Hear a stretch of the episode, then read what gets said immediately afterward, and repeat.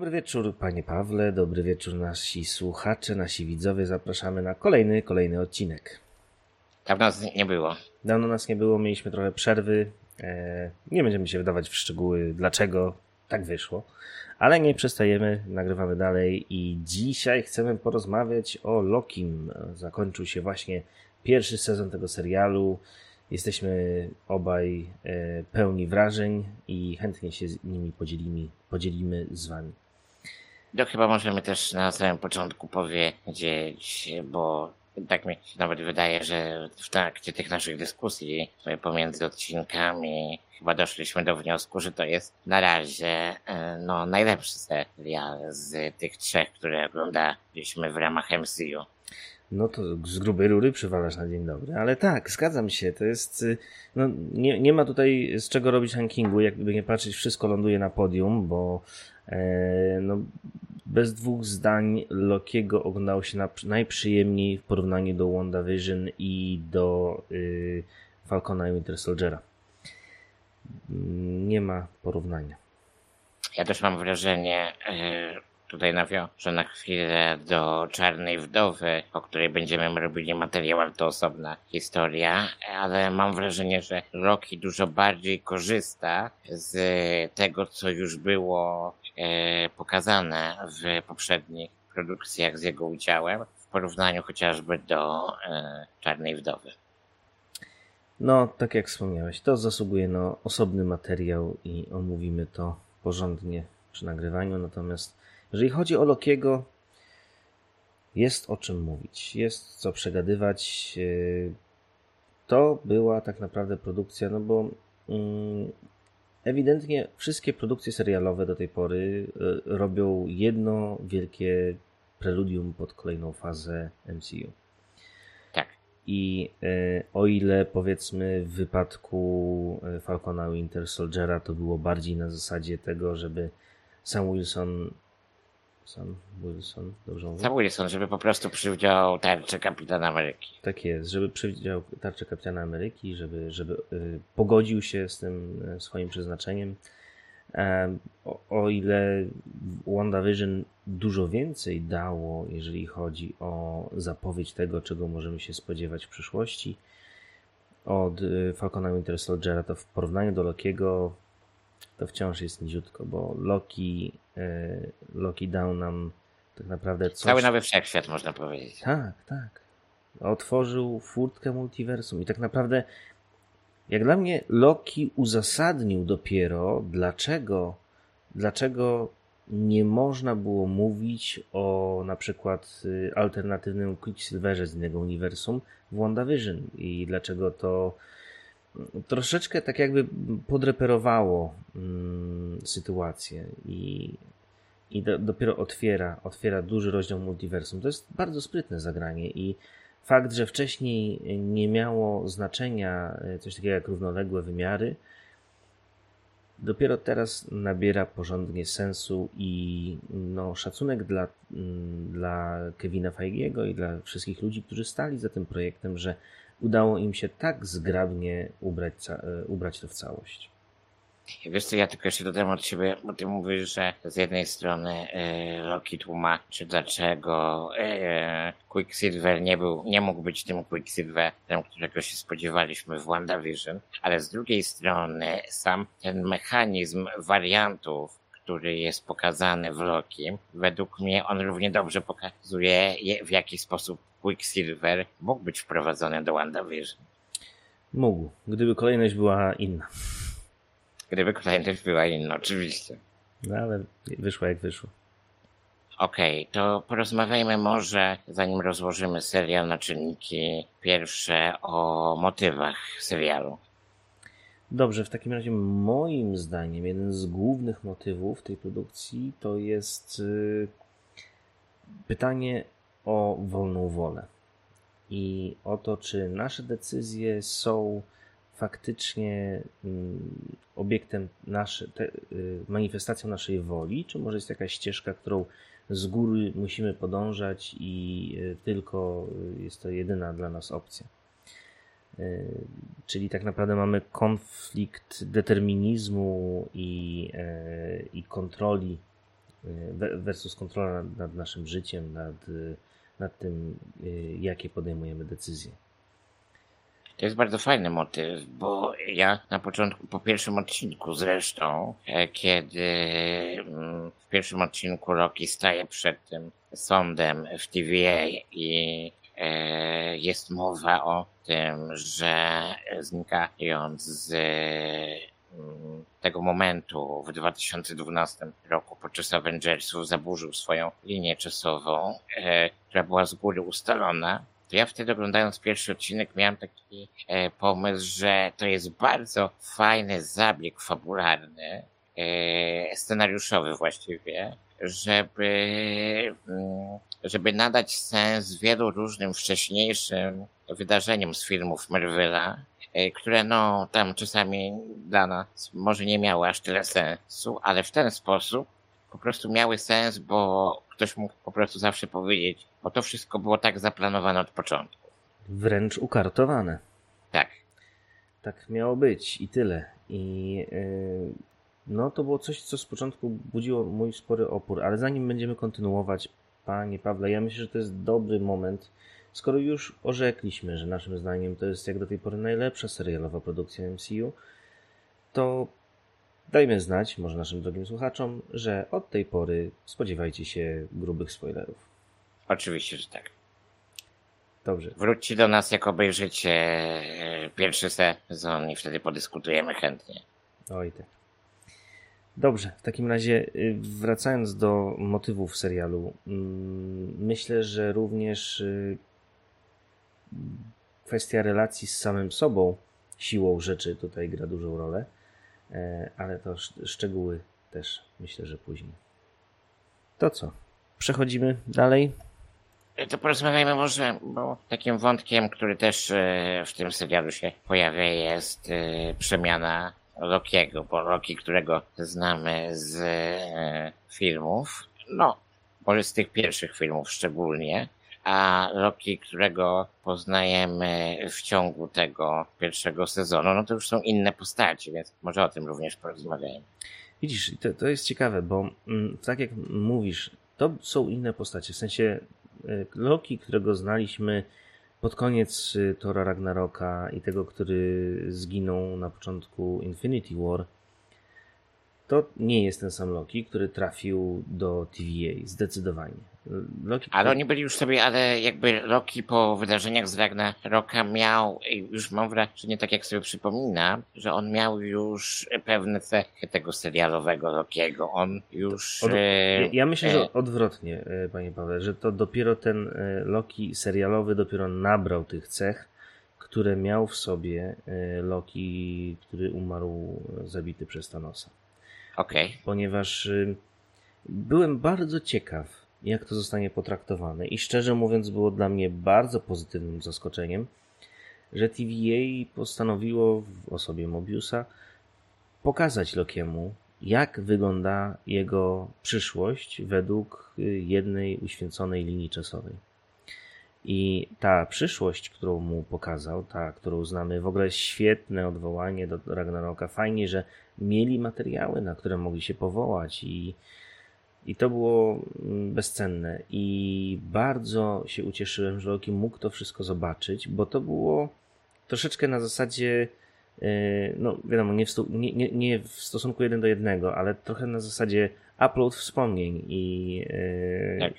I tak naprawdę strasznie... Przy... Loki miał okazję Avengersów obejrzeć też również, więc to jest Do... bardzo istotne. Dokładnie, więc y, dzięki temu Loki nie musiał nadrabiać tej całej drogi, którą pokonał już y, w torze Ragnaroku przede wszystkim, bo y, myślę, że w Infinity War to już no, nie zdążył zbyt wiele nadrobić.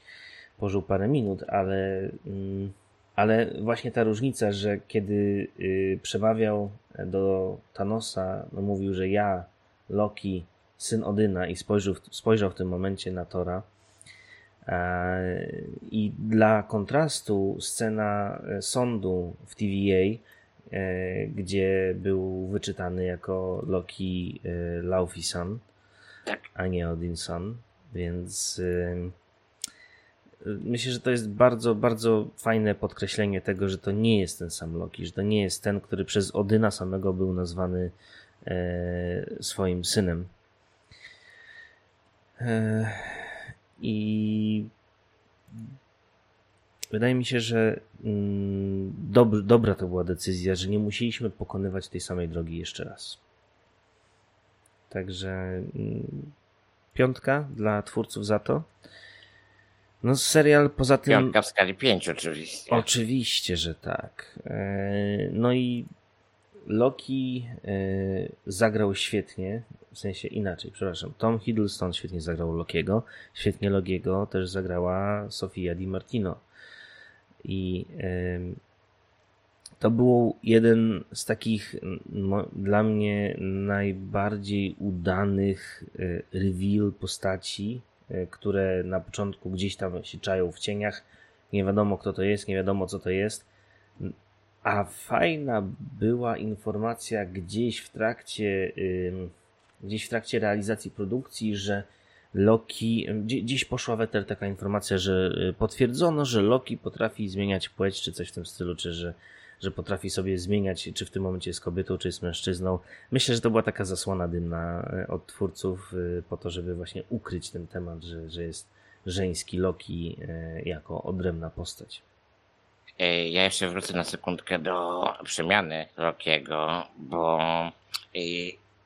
powiem tak, dla mnie, ja biorę, znaczy, ja oceniam przemianę Lokiego w tym serialu przez pryzmat tego, że to jest sześć odcinków tylko i że tutaj e, jakaś taka bardzo głęboka e, przemiana, taka jakie czasami zdarzają się w serialach, też nie może zajść, bo po prostu nie ma wystarczająco dużo czasu. Ale w tym konkretnym przypadku e, też te, e, te wydarzenia i też y, ta wiedza, którą nabył Loki, dla mnie też daje takie poczucie, że to jest na tyle autentyczne, na ile, znaczy ta przemiana jest na tyle autentyczna, na ile może być w tych konkretnych warunkach. E, pamiętajmy też, że w tym konkretnym wypadku katalizatorem tej przemiany był również Mobius.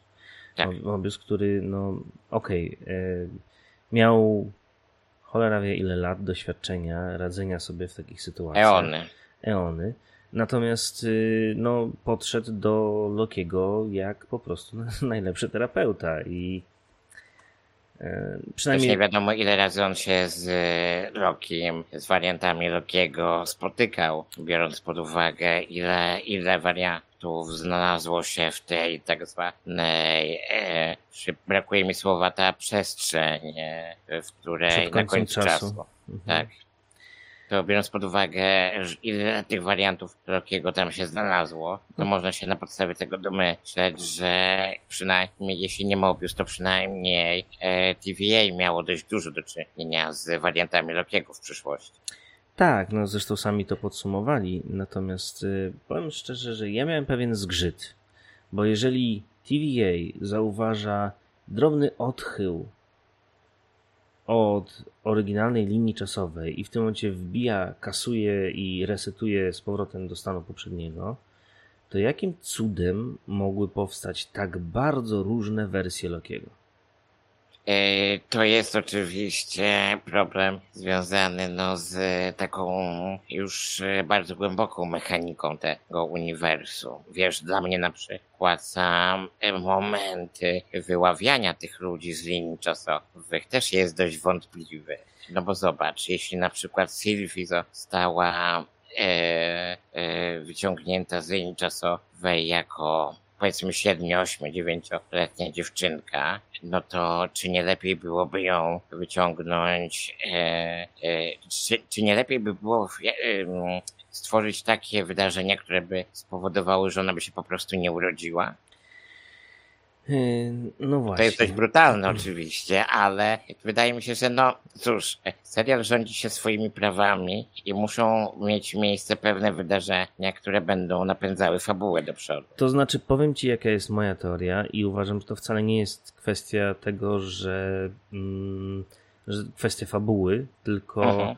wydaje mi się, że ci, te wszystkie wersje Lokiego, które spotkał e, i również Sylwii, są pozostałością po tych wszystkich równoległych światach, które kiedyś istniały, a już nie istnieją. No okej. Okay.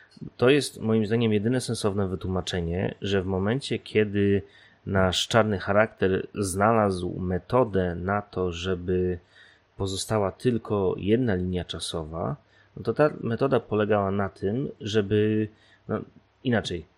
Linia czasowa, którą obecnie zajmowało się TVA, to był dobrze zadbany ogród, gdzie wystarczyło, jeżeli jakaś gałąź się pojawi nie w tym kierunku, co powinna, wystarczyło jedno chirurgiczne cięcie i sprawa wracała do, do właściwego porządku. Początek musiał wyglądać zupełnie inaczej, bo moment, kiedy on zaczął modelować tą swoją linię czasową, tak żeby nie było żadnych innych, to znaczy, że musiał naprawdę się mm, przebić przez bardzo zarośnięty y, burz, żeby doprowadzić to do takiej formy, jaką widzieliśmy w tym serialu. I wydaje mi się, że to jest jedyne sensowne wytłumaczenie na ten moment. To zresztą e, w jakimś tam stopniu tutaj przeskoczymy na chwilę do samego finału serialu, ale Kang, e, czyli ten, który zostaje, którego gra Jonathan Majors, e, który opowiada w finale serialu o tych swoich innych wcieleniach, z którymi musiał się mm, w przyszłości, swojej przyszłości, zmierzyć, aby móc stworzyć tą jedną linię czasową, to oni też prawdopodobnie byli bardzo zróżnicowani e, w stosunku do niego. I też e, jeśli wiemy mniej więcej z komiksów jak wygląda e, Kang, Kang the Conqueror, czyli ta postać, którą zobaczymy w Ant-Manie i e, The Wasp w 2023 roku, jeśli pamiętam, no to on, e, to on jest e, też takim pewnie przykładem tego, że skoro Kang wygląda tak jak, znaczy jeśli, nie wiem jak Kang będzie w wersji filmowej wyglądał, ale załóżmy, że będzie podobny do wersji komiksowej, no to wiemy już, a wiedząc jak wygląda ta postać w serialu, e, to znaczy wariant tej postaci w serialu, to też wiemy, że te postacie mogą, e, to nie tylko kwestia Lokiego, inne, inne postaci w tym uniwersum również mogą się bardzo znacząco różnić od siebie. Mogą, zobaczymy. E, co, co jak nam... na przykład Krokodyl Loki. Kroki był świetny i e, sposób, jak go wpasowali, e, bardzo dobra dawka poczucia humoru we właściwym momencie. Ja jeszcze jedną rzecz tylko powiem o TVA, bo tutaj taki mam, taka myśl mi przyszła kilka dni temu, e, zastanawiając się też nad tym, dlaczego TVA wygląda jak instytucja rządowa rodem z lat 70. XX wieku.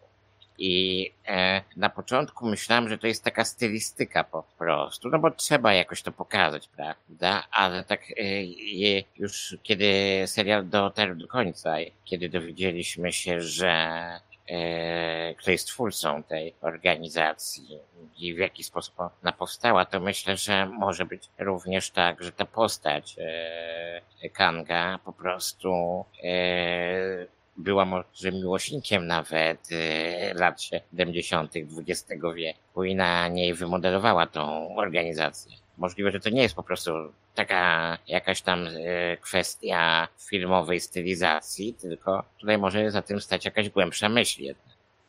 Może być to trochę tego, trochę tego. Mm. Natomiast powiem Ci szczerze, jak o tym myślę, kompletnie nie rozumiem w jakim innym celu niż dramatyzm zostali, zostały stworzone, e, zostali stworzeni sztuczni mm, mistrzowie czasu, tak to było określone? Time Masters? Time Masters. Wydaje może mi się... Po to, może po prostu po to, bo każda organizacja, e, nawet już nie sięgajmy do uniwersum komiksowego, ale nawet jak się przyjrzymy e, różnym instytucjom, które nam towarzyszą w naszym świecie otaczającym nas, e, wśród tych instytucji też e, jest wiele mitologii często. No cóż... Yy... Być może. Ja, ja po prostu nie widzę, jakby to się miało spinać. No okej. Okay. To akurat wygląda konkretnie na taki przypadek, gdzie chodziło tylko i wyłącznie o y, zaskoczenie publiki. I... Ale wcale. Ale to też się mieści w kanonie komiksowym jednak. Tak, masz rację, to się mieści w kanonie komiksowym, więc to do wybaczenia. E, dobrze, e, z innych tematów chciałbym podkreślić, że o ile rozmawialiśmy już wcześniej o tym, że naszym zdaniem to jest do tej pory najlepszy serial z MCU, e, na, natomiast zdecydowanie miał najlepsze intro, najbardziej klimatyczne, outro zresztą też. E, tak.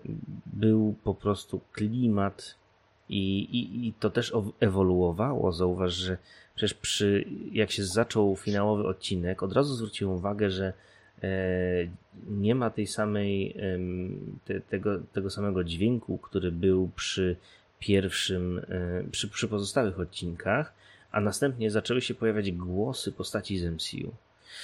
I ale właśnie, skoro już mówisz o tym, bo to jest bardzo ważny wątek, mhm. ale y, głosy postaci z MCU pojawiają się na samym początku, kiedy te głosy są, ale później, e, kiedy przemieszczamy się tym tunelem e, w finałowym odcinku, tym powiedzmy tunelem pomiędzy liniami czasowymi, e, czyli albo pomiędzy tymi multiversami, to tam zaczyna, pojawiają się głosy zupełnie inne, których ja przynajmniej nie kojarzę z MCU. Ja tam się szczerze mówiąc miałem nadzieję usłyszeć e, postaci z innych e, filmów spoza MCU, aczkolwiek nie usłyszałem. Natomiast gdyby ktoś Gdyby ktoś z Was usłyszał, to dajcie znać w napisy, w komentarzach. Ja wyłapałem tam y, słowa znanych naukowców, był, była też muzyka klasyczna.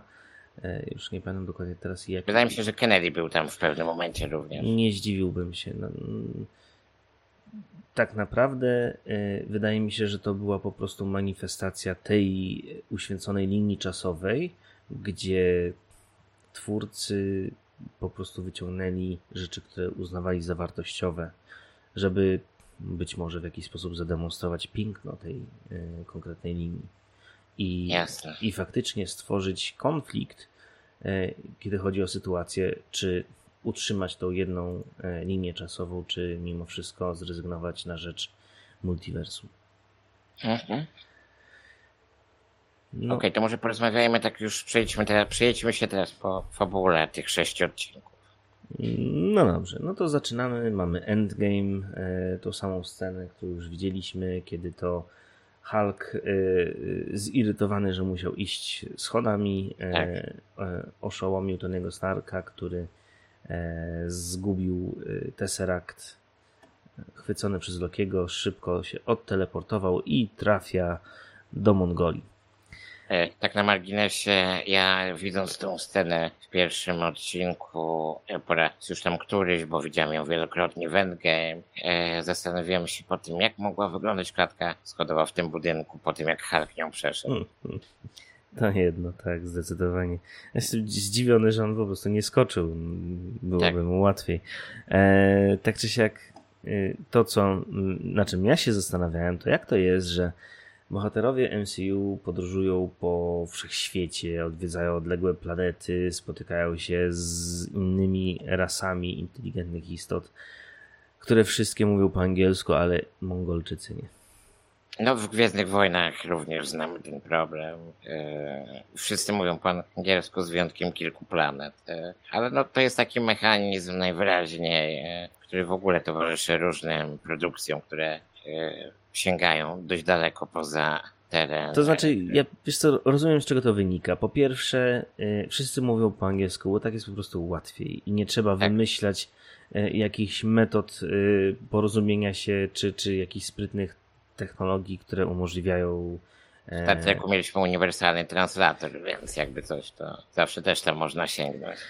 No właśnie, ale to, to, to wciąż jest gruba nić do zaszycia tych y, y, drobnych y, elementów, a, a z drugiej strony mm, podejście pod tytułem, że trafiają do Mongolii i, i, i Mongolczycy są w stanie mówić e, po angielsku na dzień dobry i to jest język, z którego korzystają, już wydaje się w tym momencie obraźliwy dla narodu, że, e, że nie, nie mają swojego języka i, go nie używają, tylko po prostu trafiają na jakiegoś kolesia, który pojawił się znikąd i, i mówią do niego po angielsku.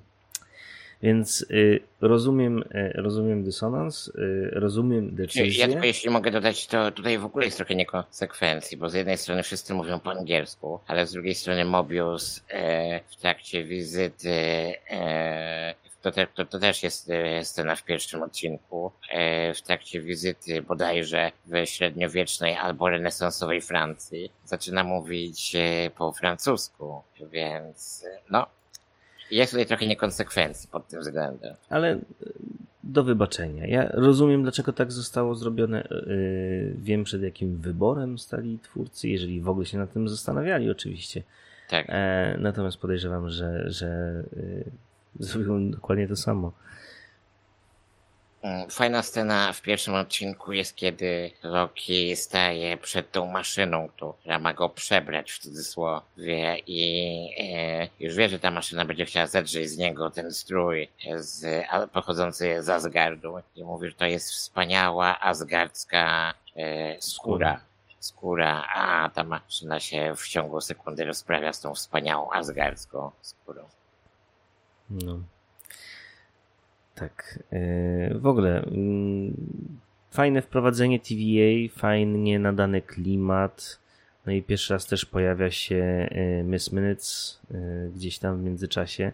I tutaj chciałem podkreślić kwestię, że głos podkłada Tara Strong i spojrzałem sobie z ciekawości na listę produkcji, w których ona uczestniczyła i to jest 603 produkcje, gdzie e, albo grała, albo udzielała głosu. Imponujące i bardzo dobry, dobry wybór. Tak naprawdę, który, co poczułem porządnie dopiero w finałowym odcinku, kiedy Miss Minutes pojawia się e, tam e, w tej e, siedzibie e, Kanga. W Cytadeli. W Cytadeli na krańcu czasu, e, kiedy Miss Minutes się pojawia i no po prostu granie głosem tutaj mistrzowskie. Byłem pod ogromnym wrażeniem tego, jaki klimat potrafiła stworzyć. E, swoją drogą ciekawe e, znalazłem skojarzenia, e, jeżeli chodzi o e, Miss Minutes. No, tak naprawdę mamy e, pomarańczowy zegarek. E, tak. Nawiązanie do Clockwork Orange, czyli mechanicznej pomarańczy. Tak mechanicznej pomarańczy, zgadza się. Wracając do mm, linii fabularnej i tego, co się dzieje, w ogóle chciałem zaznaczyć, że y, było bardzo imponujące to, jak TVA potraktowało Lokiego przy pierwszym spotkaniu. E, bronie oparte o, y, na kwestii zabawy czasem, bardzo tak. interesujące rozwiązanie. Sam fakt, jak Loki poznawał TVA i oswajał się z myślą, że to, co on traktował jako potężne, to przy tym wszystkim to jest nic, to yy, i tutaj no, ta charakterystyczna scena z kamieniami nieskończoności, które sobie leżą odłogiem tak. tu i tam. Jako ciężarki do papieru. Jako ciężarki do papieru, ale to też w tym momencie y, jest idealny y, już wskaźnik odnośnie tego, do czego dążymy. No bo te kamienie nieskończoności skąd się wzięły. E, jeżeli każdy świat miał swoje, no to ileś tych światów musie, musieli po prostu, jeżeli nazbierali te kamienie nieskończoności, to musieli to zrobić właśnie w procesie przycinania gałęzi, jak to ująłem wcześniej. Czyli tak. ograniczania tych pozostałych linii czasowych i w ten sposób tak naprawdę eliminacji ich. Może między innymi właśnie o to chodziło, żeby pozbawić tamte inne uniwersa kamieni nieskończoności. Ponieważ nie jest to to samo, co zrobił Thanos. Yy, że po prostu je zdematerializował. One dalej, powiedzmy, gdzieś tam sobie istniały w postaci atomów, w przyrodzie nic nie ginie, a tutaj one mogły po prostu zostać zabrane poza czas. I, yy, I tu pojawia się kolejna rzecz, której nie do końca rozumiem jeszcze. Może masz jakiś pomysł, albo może ja coś pominąłem, ale w sumie gdzie znajduje się siedziba TVA? E, gdzie ona się znajduje. Może na, skoro e, twórca TVA znajdował się na końcu czasu, a właściwie po zakończeniu czasu, to może siedziba TVA znajduje się na początku czasu w takim razie. Wiesz co, wydaje mi się, że mm, tak naprawdę y, ta cytadela na krańcu czasu była jednocześnie miejscem na początku i na końcu.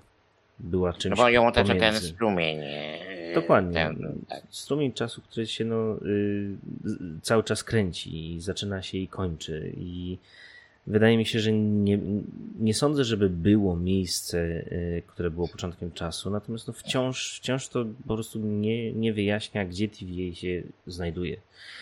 Dla mnie TVA się kojarzy trochę tak, jak jest y, widoczne przez okna e, czasami albo w trakcie przemieszczania się głównych bohaterów po korytarzach, to mi TVA kojarzy się troszeczkę z taką gęstą e, stacją kosmiczną, Tak. która unosi się gdzieś w kosmosie, przez która, która jest tak gęsto zabudowana, że nie widać przez nią po prostu tej przestrzeni na zewnątrz. E, coś w stylu e, miasta e, Tysiąca Planet, jeśli dobrze pamiętam, z e, tego filmu Luca Bessona. E, jak to było? E, nie mogę sobie teraz tego tytułu przypomnieć, ale był taki film kilka lat temu, całkiem niezły zresztą, którym jest podobny motyw trochę pokazany.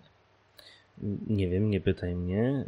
y, Natomiast y, no Walery, przepraszam, Walerian i Miasto Tysiąca Planet, coś, coś w tym stylu. Tak, było coś takiego. Y, Wydaje mi się, że mm, za mało wiemy, żeby to sobie wyciągnąć z kapelusza teraz. Wiesz, fajne jest w tym to, że to jest taka konstrukcja bardzo abstrakcyjna, że ona jest tak abstrakcyjna, że nawet tak naprawdę, pomimo, że nas oczywiście interesuje to, gdzie ona się znajduje, ale to nie jest dla nas jakoś takie szczególnie e, istotne, bo jakby obserwując to, wszyscy, znaczy wszyscy, no my przynajmniej zakładamy, że to jest e, instytucja e, dysponująca tak wielką mocą i tak wielkimi zdolnościami, że to, gdzie ona, że ona się może znajdować tak naprawdę wszędzie.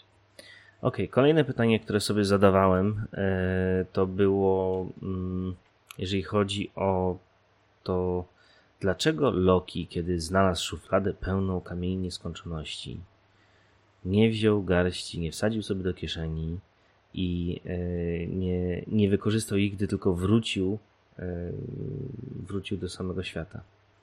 Bo wtedy E. wydaje mi się, że już powinny funkcjonować normalnie i to nie byle jakie korzyści mógłby z tego mieć. Mógłby o wiele lepiej sobie poradzić z Sylwii na samym początku. Mógłby, mając tak naprawdę Tesseract przy sobie, którego w sumie chyba nigdy nie było pokazane, że oddał, po prostu go wziął. E, I mógłby go wykorzystać do ucieczki z Lamentis razem z Sylwii. E, A co więcej, ja szczerze mówiąc to podejrzewałem nawet, że on wziął ze sobą któryś kamień nieskończoności i podejrzewałem, że to mógł być Tesseract.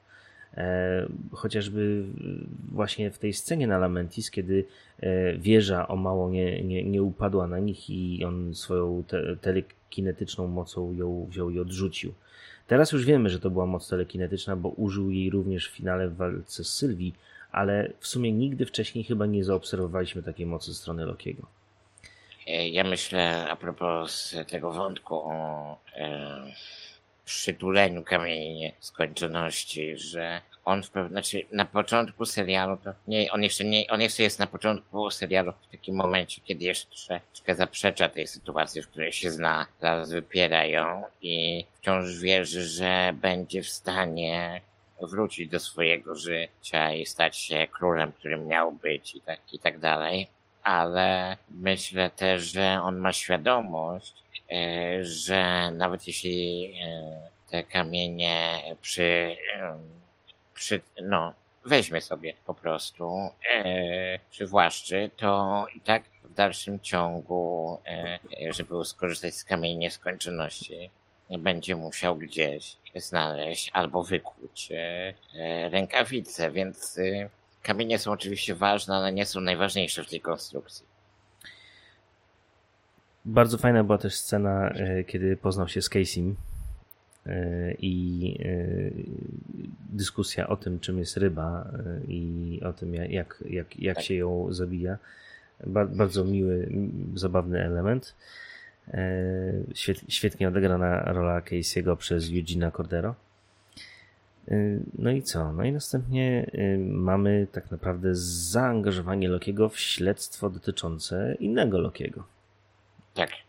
I tutaj właśnie z jednej strony można by pomyśleć, że zbieg okoliczności, który sprawił, że Mobius uratował Lokiego tylko po to, żeby, e, żeby mu pomógł w śledztwie. Natomiast no, myślę, że możemy spokojnie założyć, że to wszystko i tak było ukartowane przez Kanga i zaplanowane i, i zgodnie z tym, co powiedział naszym bohaterom pod koniec, no, mm, podobnie jak Loki wierzę, że Kang mówił prawdę i że dokładnie tak jak y, powiedział, że to on wszystko ukartował, żeby Loki dotarł do tego momentu, tylko po prostu nie spodziewał się, że Loki przyjdzie w dwóch osobach.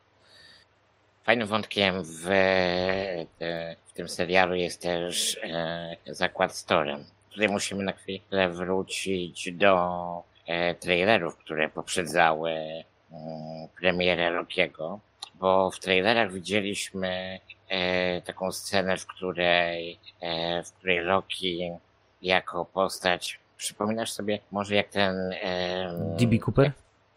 DB Cooper, e, jak ten złodziej się nazywał. Jest taka historia, to się wydarzyło w latach, bodajże pod koniec lat 60. albo na początku 71 rok. 71 rok w Stanach Zjednoczonych, kiedy e, pewien przestępca porwał samolot i e, groził, że ma bombę e, ze sobą groził, w że ma bombę, dostał walizkę pieniędzy i później ten samolot odleciał z nim na pokładzie, a on ze spadochronem wyskoczył z tego samolotu i ślad po nim do dzisiaj zaginął. I w mm, w mm, trailerach poprzedzających premierę Lokiego ten wątek się pojawia i ja kiedy to zobaczyłem, to pomyślałem sobie, o wow, Loki będzie e, podróżował przez historię ludzkości i w kilku momentach może mm, w jakiś sposób e, zaingeruje w wydarzenia z historii. Myślałem, że ten wątek z porwaniem samolotu, że to będzie jakieś, jakaś jego misja w ramach TVA, coś w ramach współpracy. Ja myślałem, że on się w ogóle stanie agentem TVA. W sumie w pewnym stopniu stał się. E, a tu się okazało, że cała ta scena, i to, trochę mnie, no trochę jestem niepocieszony tym, że cała ta scena okazała się tylko króciutką retrospekcją w pierwszym odcinku serialu. Znaczy, słuchaj, no, wydaje mi się, ja doceniam to, że y, wytwórnia stara się naprawdę rzucić tyle fałszywych tropów, bylebyśmy tylko nie y, domyśleli się w 100% jaka będzie fabuła serialu. Ja to sobie cenię, ja lubię być zaskakiwanym i fakt, że naprawdę robią co mogą, żeby, żeby to zaskoczenie y, y, spotęgować, jest przeze mnie bardzo ceniony. No tutaj też trzeba przyznać, że pomimo, pomijając ten wątek z e, tym porwaniem samolotu, to ten serial dał nam wiele takich okazji do dobrych zaskoczeń.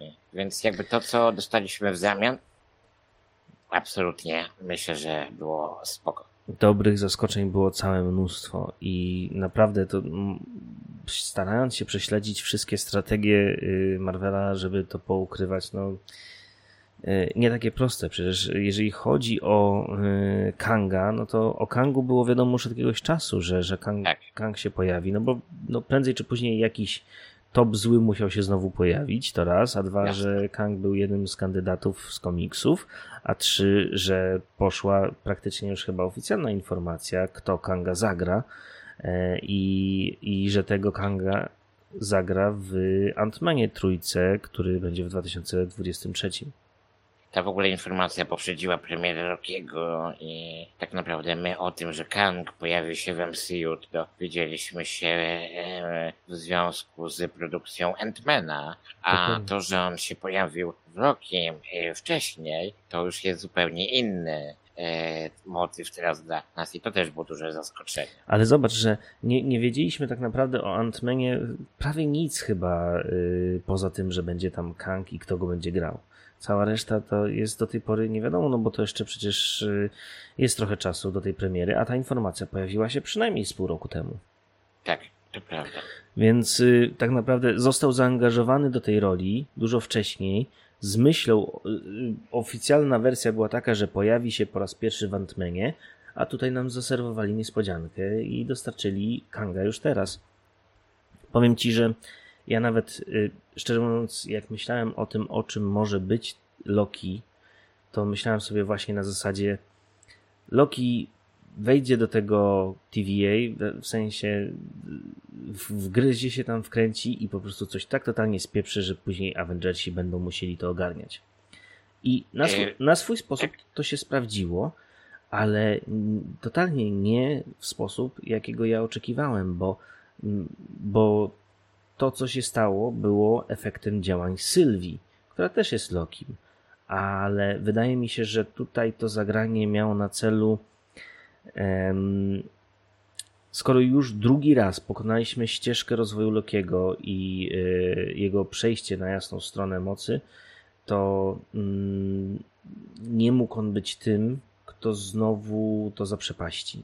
I chociaż mówi do Sylwii, że I, can, I cannot be trusted, to wydaje mi się, że na tym etapie mamy już do czynienia z Lokim, który nie jest już tym samym e, typem, nie jest Loki Laufeysonem, tylko jest Loki Odinsonem, który mm, który naprawdę chce tylko i wyłącznie tego, żeby, żeby ocalić Sylwii, żeby ona była bezpieczna i szczęśliwa i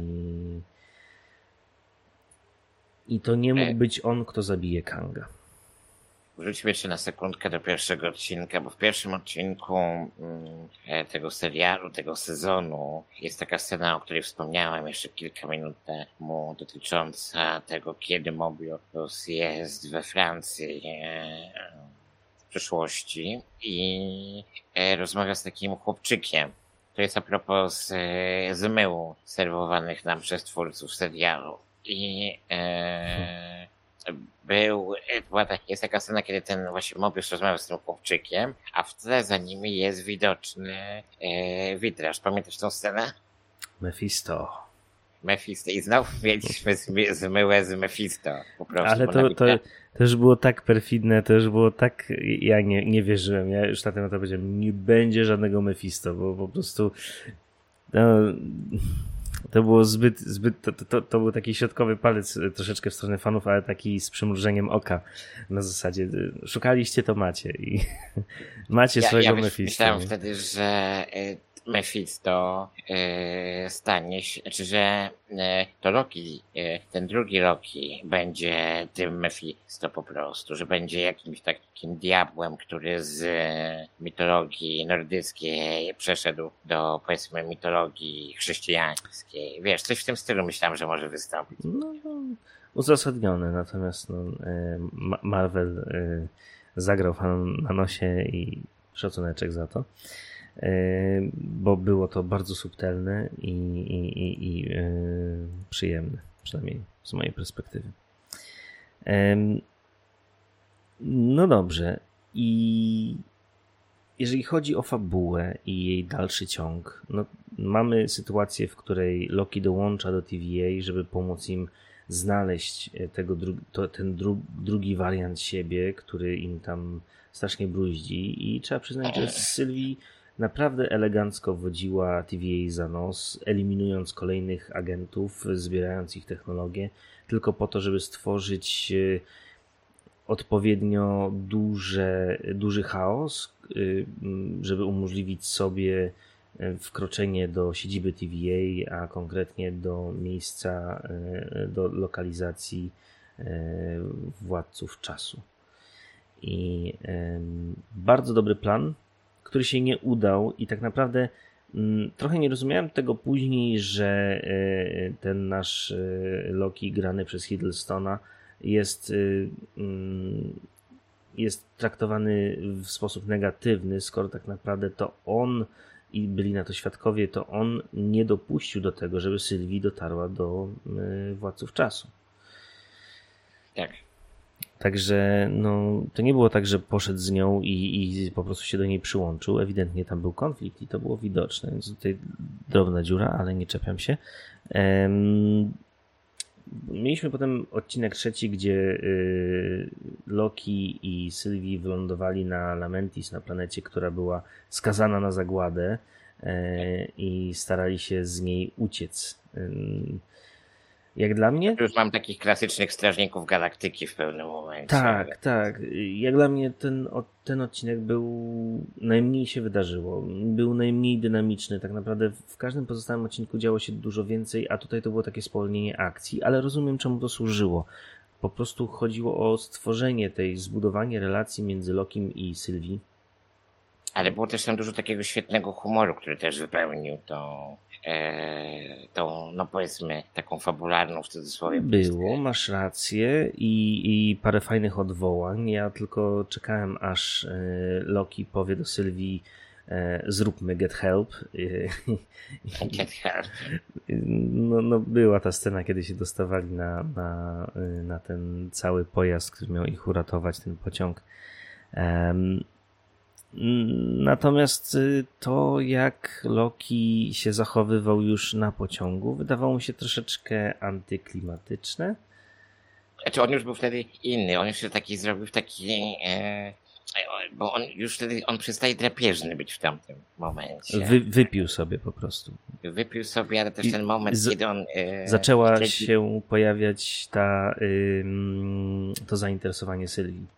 Tak, kiedy on już widać, że on już ewidentnie jest nią zauroczony po prostu, kiedy rzuca takimi tekstami w typu na, na przykład komentuje, że bo oni mm, obserwują tych ludzi wokół siebie, dyskutują o życiu i tak dalej, ona mówi, że miłość to nienawiść, a on wtedy przy użyciu tej swojej mocy generuje, e, wytwarza te pióro, żeby to tak ironicznie zapisać, tą jej złotą myśl. Tam jest dużo takich fajnych momentów, które są tak fajnie zagrane też pod względem aktorskim to jest, to jest, to jest bardzo ciekawe, że taki odcinek, który tak niewiele daje w sensie wydarzeń, daje tak dużo w sensie satysfakcji. Okej, okay. dla mnie się skończył trochę zbyt gwałtownie i, i ja czułem drobny niedosyt po tym odcinku. E, natomiast y, no, bardzo fajne było to, że to, co spowodowało e, Nexus, który pozwolił TVA odkryć, gdzie oni się znajdują i ich uratować, było właśnie to, że e, Loki i Sylwii byli o krok od pocałunku i e, pojawiło się to uczucie ewidentnie, bo to, to musiało być to. No i fakt, że tak naprawdę dopiero Loki musiał, po, musiał spotkać samego siebie, żeby się w kimś zakochać. No, na, narcyz doskonały. Tak. No, to jest wspaniałe, ale ja jeszcze na sekundkę wrócę. W tym odcinku, w odcinku trzecim ma, ma taki fajny smaczek, bo e, sposób, w który Loki i Sylwii próbują się wydostać z tej skazanej na zakładę planety, to jest też bardzo fajny wątek, bo oni próbują dostać się do pociągu, a ten pociąg, no jakby nie patrzeć, to jest pociąg dla ludzi bogatych, który ma uratować ich przed zagładą świata, w którym żyją. No, to jest, to jest takie fajne nawiązanie do Snowpiercera po prostu, że też myślę, że warto to zauważyć. Mhm. No, po, po czym e, Loki i Sylwie wracają do TVA, są tam dosłownie przez chwilę i e, udaje im się dostać do siedziby władców czasu, co okazuje się jedną wielką mistyfikacją. E, I następ, następnie lądują oboje w e, tym miejscu przed końcem czasu, gdzie szaleje sobie Elioth. Znaczy oboje. Najpierw ląduje tam Loki, którego pani, e, pani sędzina e, uderza tym urządzeniem, które myśleliśmy pierwotnie, że ono niszczy, że ono zabija, a się okazywa, okazało się, że ono przynosi e, po prostu ludzi w czasie, znaczy powiem ludzi, istoty przy, przynosi w czasie. Zauważyłeś, się, tak. zwróciłeś uwagę na to, że Loki oberwał mniej więcej tak, jak sam e, zadał ranę śmiertelną Coulsonowi? Eee, nie, nie zauważyłem. Eee, jeśli to jest celowe, to spoko, ale eee, naprawdę ciężko mi sobie. Znaczy, powiem tak, on. Eee, to jest znany eee, zabieg eee, filmowy, że jeden z głównych bohaterów zostaje ranny z, z miejsca, które znajduje się poza kadrem w danym momencie. Mhm, tak. To fakt. Więc, jeśli, ale mówię, jeśli to było celowe, jeśli to było y, nawiązanie do tego, w jaki sposób pozbawił życia, y, spoiler, nie pozbawił y, y, Colsona, to okej, okay, to to jest świetny smaczek, ale jeśli to nie zostało tak pomyślane, to też jest całkiem nieźle. No ja muszę przyznać, że mm, tak naprawdę ten serial również dlatego jest najlepszy z tych y, produkcji serialowych MCU, że mm, między odcinkami nie dość, że z jednej strony jest duża zmienność, jest bardzo nagle dostajemy coś, czego totalnie się nie spodziewaliśmy. Właśnie ogromna mhm. dawka tego zaskoczenia. Z drugiej strony wciąż jest utrzymany jakiś taki ujednolicony klimat. Więc y, coś, co jest bardzo trudne do zrobienia i y, wyszło śpiewająco. I moment, w którym tak naprawdę Loki budzi się po byciu y, zdematerializowanym przez panią sędzinę i widzi nad sobą kilka wersji siebie, które go znalazły no, ciekawy, ciekawy. I... Znaczy, ja nie do końca, jeśli już nawiązujemy, to że na chwilę możemy nawiązać do tych e, czterech Loki, których Loki spotkał w momencie, w którym się ponownie zmaterializował na mhm. końcu czasu, to ja na przykład nie, nie do końca rozumiem tą postać e, Lokiego z młotem Tora.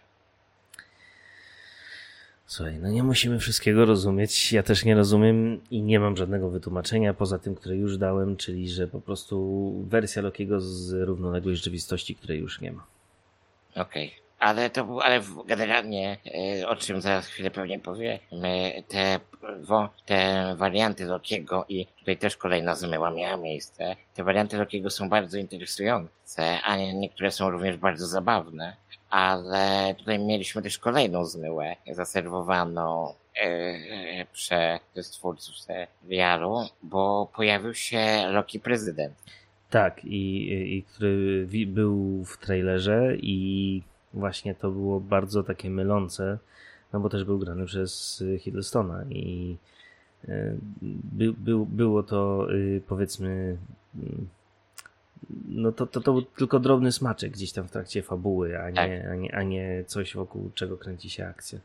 No bo ja na przykład podejrzewałem, widząc z Lokiego prezydenta, e, niektórzy nazywają go w internecie Loki Trump, e, e, to ja widząc go w trailerze spodziewałem się, że to będzie jakiś wątek, w którym Loki próbuje przejąć władzę nad TVA może, albo tak, tak, to mogło coś w tym, to mogłoby pójść w tym stylu, ale to jak to zostało pokazane, też było bardzo dobre.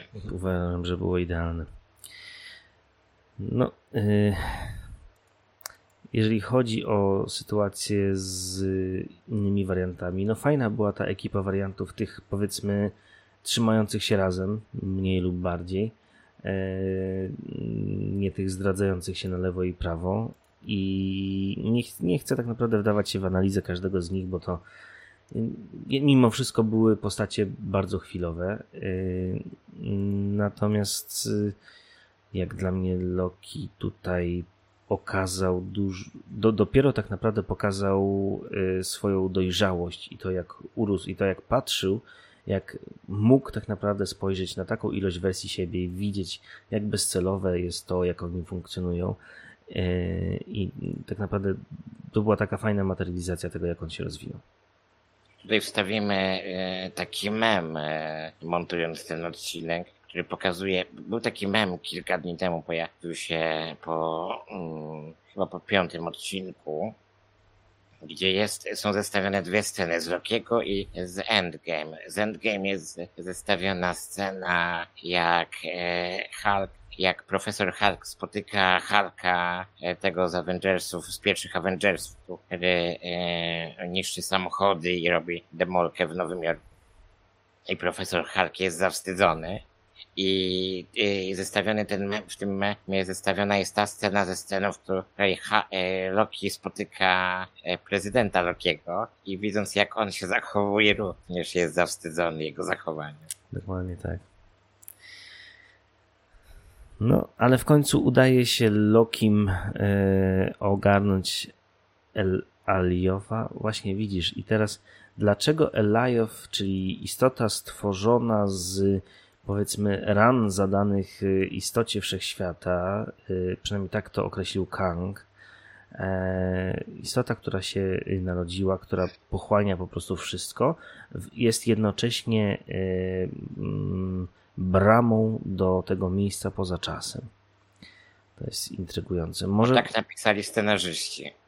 Wiesz, że nie jestem fanem tego argumentu.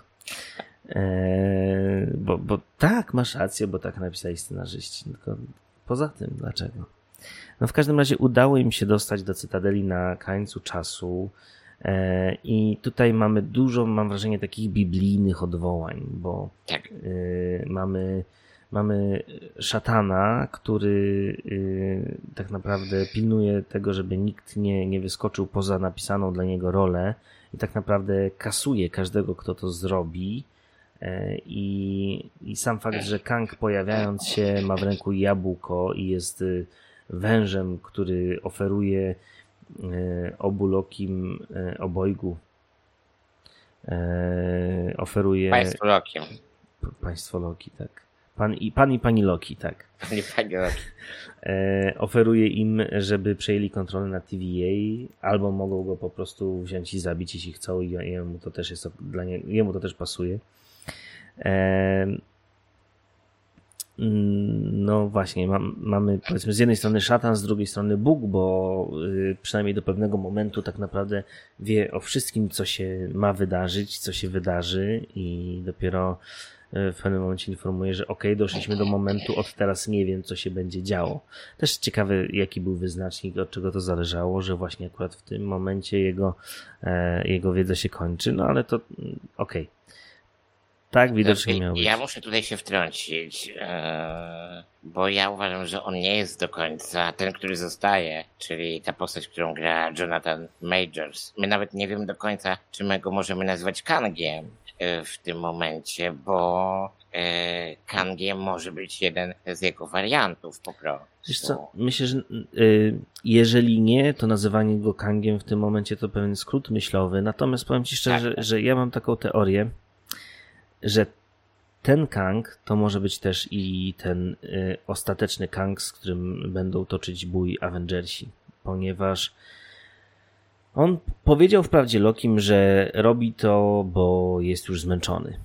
E, I no, w, w ogóle ewidentnie nie bał się śmierci, bo jak powiedział, reinkarnacja, za, zaraz się zobaczymy znowu, nie? E, mm, być może jego samego właśnie też zmęczyło to zamknięcie w obrębie jednej linii czasowej. Być może dostrzegł, że nie było to idealne rozwiązanie. Dało mu mnóstwo czasu, żeby opracować lepsze. I wydaje mi się, że mm, mogłoby być strategią y, Kanga, żeby doprowadzić do powrotu multiversum, czyli faktycznie do tego, że y, on zostanie zabity przez, y, przez Sylwii e, i w efekcie pojawią się wszyscy Kangowie od początku, bo wrócą wszystkie linie czasowe pozostałe, e, więc będziemy mieli nieskończoność Kangów. Będziemy mieli nieskończoność linii czasowych, nieskończoność Kangów, więc tak naprawdę y, w tym momencie ta, y, ci Kangowie, którzy mogą powracać co jakiś czas, to jest y, coś, co trudno zamknąć, zakończyć jako rozdział, więc nie zdziwiłbym się, gdyby się okazało, że ten Kang, którego teraz widzieliśmy, Tak. przekazał informację Ra- Rawonie o tym, gdzie go znaleźć w, po, po, po pojawieniu się pozostałych linii czasowych przez Miss Minutes, w momencie, kiedy opcja zaoferowania Lokim y, kontroli na TVA miałaby nie wypalić, co wiedział, że się wydarzy, więc ta informacja, więc do Rawony trafiła informacja, gdzie ona powinna go szukać na linii, na liniach czasowych i być może przekazawszy mu te informacje, da mu instrukcje, które udało się Kangowi zdobyć y, odnośnie tego, jak z Kangów rozsianych po wszystkich mu- multiversach e, stworzyć jednego Kanga, który będzie tak jakby zawier... będzie Tym zdobywcą. tym zdobywcą, który jest tak naprawdę y, manifestacją Kanga z każdego uniwersum. I, Tak. i, I że to mogłaby być jego, y, jego final form, i, i z tym tak naprawdę przyszłoby się zmierzyć Avengersom, co jednocześnie będzie jego przyczyną jego porażki, bo e, właśnie zbierając wszystkie wersje siebie w jednej osobie, e, doprowadzi do tego, że po prostu wystarczy ściąć mu głowę, czy coś w tym stylu. Czy coś w tym stylu. Ja bo ja jednego wątku nie skończyłem, mówiąc o Kangu wcześniej, ja nie jestem do końca przekonany, czy jego można, znaczy oczywiście rozumiem porównanie, że z jednej strony bóstwo Loki, z drugiej strony więc musi być jakiś diabeł tutaj w tym przypadku e, w tym przypadku ten Kang, ale ja nie jestem do końca przekonany, czy jego w tym konkretnym wypadku, biorąc pod uwagę jego motywację do działania, można brać za diabła, lecz e, to chyba Kant powiedział, że nie czyni, mam nadzieję, że nie zmasakruję tego cytatu, ale że nie czynię dobra, które chcę, lecz zło, którego nie chcę. I może to jest też, może to jest też ten motyw, że po prostu to jest postać, która ma na tyle dużo e, historii, znajomości historii wszechświata e, za sobą, że e, przynajmniej wtedy, kiedy rozpoczynał projekt TVA, był przekonany, że to jest jedyne rozwiązanie i zapewnienie pokoju we wszechświecie. Jakiegoś, jak, jakiegoś przynajmniej stabilnego pokoju we wszechświecie. No, a przynajmniej utrzymania jednej linii czasowej, a nie zero linii czasowych. Ja jeszcze chciałem wrócić do tej swojej teorii. Wydaje mi się, że drugi sezon Lokiego może być właśnie o tym, może być właśnie o tym, jak Loki e, i Sylwii starają się odnaleźć siebie nawzajem, to jedno, drugie e, powstrzymać Kanga. I tak naprawdę to w wyniku tego, co się będzie działo wtedy, dopiero może dojść do tej unifikacji Kangów, bo wydaje mi się, że dopiero się Kang pojawi na celowniku Avengersów po Ant-Manie trójce i a teoretycznie drugi sezon Lokiego chyba jest planowany na styczeń 2023, więc jeszcze... No mam nadzieję, nie za dużo, bo to jest za, chyba nie za długo, ale tak za półtorej roku. Mam nadzieję, że to jednak będzie trochę szybciej. Było, byłoby fajnie, jakby było szybciej, ale mi się wydaje, że. Yy, na, na... Premiera Antmana wymusi po prostu, żeby ten yy, serial pojawił się trochę później. No, a, nie, ja właśnie myślę, że, że, że mm, właśnie drugi sezon Lokiego musi mieć miejsce przed Ant-Manem. Bo w Ant Ale w sensie, że, nie, że nie musi być na tyle późno, żeby łączył się z Ant-Manem po okay. prostu w jakiś sposób. Okej, okay, czyli żeby po prostu były blisko. No, plan jest na dzień dzisiejszy taki, że będą w tym samym roku, więc zobaczymy. Poza tym, jeszcze ja tylko dodam od siebie, nawet jeśli jest y, dla wielu z Was y, teraz wizja powrotu do Rockiego dopiero za półtorej roku jest y, przerażająca, okropna i w ogóle nie do zniesienia, no to jest bardzo spora szansa na to, że Rockiego zobaczymy w przyszłym roku w Doktorze Strange'u. Być może. Zobaczymy. Myślę, że nie bez powodu. Myślę, że, myślę, że skoro informacje o Wandzie w Doktorze Strange'u się po, e, potwierdziły, to i podejrzewam, że informacje o Lokim w Strange'u również są e, bliskie prawdy, co najmniej. Mam jeszcze jedną teorię, e, którą bym się chciał podzielić. Wydaje mi się, tak. że ta metoda, której użyli Avengersi do e, pokonania Thanosa, mm, czyli e, cofnięcie się w czasie, zabranie kamieni nieskończoności po to, żeby e, przywrócić wszystkich tych, którzy odeszli. Wydaje mi się, że to jest coś, czego oni już nie będą teraz w stanie zrobić, bo dopóki mieli tak naprawdę jedną linię czasową, po której musieli Aha. się poruszać, to nie było to szczególnie problematyczne ale w momencie, kiedy pojawi się nieskończona ilość li tych linii czasowych, może się okazać, że to rozwiązanie, które stworzył Stark, już na tym etapie nie będzie, e, nie będzie dla nich e, mm, tak przydatne. I e, to było, miałoby bardzo dużo sensu, bo no, zabrałoby im z ręki bardzo potężną broń, którą mogliby sobie próbować ułatwić sytuację. No i jeszcze jedna rzecz, nad którą się zastanawiałem, to było to, czy jak to było z tym doktorem Strange'em i podglądaniem linii czasowych, skoro jest tak naprawdę jedna? E, czy to było na zasadzie, że zobaczył milion ileś tam i wszystkie kończyły się tym, że TVA przychodziło i robiło porządek?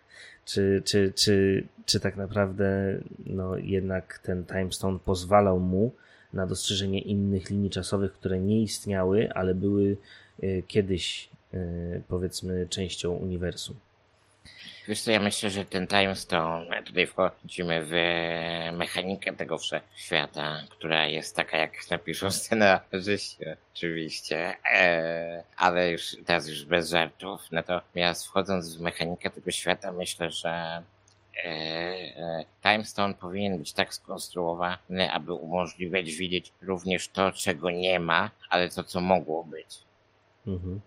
Możliwe. Wydaje mi się, że pod tym względem Time Stone widzi nie tylko jedną linię czasową, ale wszystkie różne możliwości tej linii czasowej. Chociaż ile tam było tych wersji? E, jeśli ja Milion czterysta tysięcy coś? A nie 7 milionów?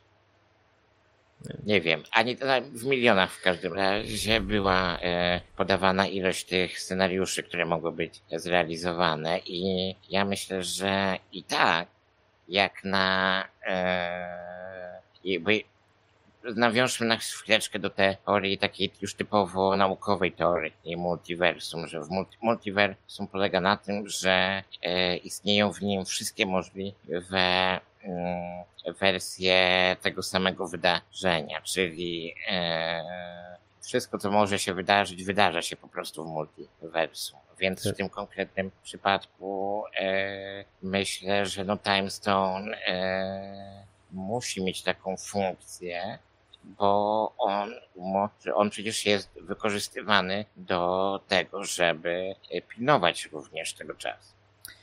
Dwie kwestie, które jeszcze bym chciał poruszyć. E, pierwsza jest taka, y, że mm, aktorka, która zagrała rolę młodej Sylwii, mhm. Kaylee Fleming, e, miała też okazję zagrać w innych wielkich produkcjach, również z stajni disneyowskiej, ponieważ była to dziewczynka, którą zobaczyliśmy w roli młodej Rey w Gwiezdnych Wojnach. A tak, Aha, okej. Okay. No ta, tak, w sumie. A także zagrała naprawdę solidnie e, postać w The Walking Dead. Judy. To już przykro mi, nie mogę się wypowiedzieć. To była e, postać w ostatnich, w ostatnich sezonach, dopiero się pojawiła, czyli gdzieś tak, nie wiem, od jakichś trzech czy tam, czy coś w tym stylu. To znaczy wcześniej, wcześniej była ta postać jako dziecko, a dopiero ostatnio się pojawiła już jako e, dziewczynka, która jest w stanie trzymać broń i strzelać do zombiaków. E, bardzo dobra rola i e, no cóż, jeżeli tak dalej będzie szła kariera, no w tym wieku e, Gwiezdne Wojny, Marvel, Walking Dead, nieźle, nawet jeżeli to są małe role. I jeszcze jeden temat, który chciałem omówić. Nie mogłem powstrzymać się przed skojarzeniem, chociaż wiem, że postać Kanga i jego origin story powstały w latach 60., nie wiem dokładnie. Natomiast. No, Jak na... większość istotnych rzeczy w Marvelu, tak na marginesie. Dokładnie. E, natomiast y, no, nie mogłem się powstrzymać przed koncepcją, słuchając wytłumaczenia, które, y, które Kang y, przedstawiał Lokim, e, nie mogłem się oprzeć wrażeniu, że mamy do czynienia z, z, z naprawdę złą wersją Rika Sancheza e, z Ricky Morty bo y, motyw właśnie tego, że jest naukow, naukowiec, który odkrył metodę podróżowania między różnymi wymiarami, innymi wersjami tego samego uniwersum, e, został już y, poruszony w, także w dwóch innych produkcjach, właśnie Ricky Morty, gdzie Rick jako naukowiec, jeden główny bohater, tytułowy bohater, E, jest, odkrył metodę podróżowania między światami i wręcz zawiązało się coś takiego jak Cytadela Rików, gdzie, gdzie Rikowie z, z różnych uniwersów po prostu stworzyli, stworzyli swoje, swoją własną, swoje własne państwo. I, yy, i podobna, podobna sytuacja była również w Arrowversie, gdzie Harrison tak. Wells. A, chciałem do tego nawiązać, ale ty pierwszy zrobiłeś. Tak. Przepraszam. E, gdzie mieliśmy podobną sytuację z Harrisonem Wellsem, tylko na dużo mniejszą skalę. Tak. Znaczy, nie dziwię. Ja w ogóle dostrzegam pewne takie rzeczy nie tylko w Lokim, ale i w Falconie Winter Soldierze oraz w WandaVision które mogą wskazywać na to, że MCU inspiruje się, aczkolwiek w sposób bardzo taki subtelny, różnymi rzeczami z popkultury współczesnej. Mhm. I to jest akurat, myślę, to jest, to jest, e, to jest nie tylko e, do, e, to jest nie tylko do zaakceptowania, ale to jest nawet wręcz e, e, pożądane, bo e, popkultura oferuje, e, filmowa i serialowa popkultura oferuje naprawdę bardzo dużo fajnych rozwiązań, które mogą wesprzeć MCU. I na tym etapie, panie Pawle, muszę powiedzieć, że y, mi skończyły, skończyły się tematy, które chciałem poruszyć. Zresztą i tak chyba wyszedł z tego całkiem długi program, więc y, mam nadzieję, że ktoś wytrzymał do końca. E, Dziękujemy bardzo naszym słuchaczom, naszym widzom. Dziękuję Tobie, Pawle. Jak zawsze czysta przyjemność. Dzięki wzajemnie i do zobaczenia w kolejnym odcinku. Do zobaczenia.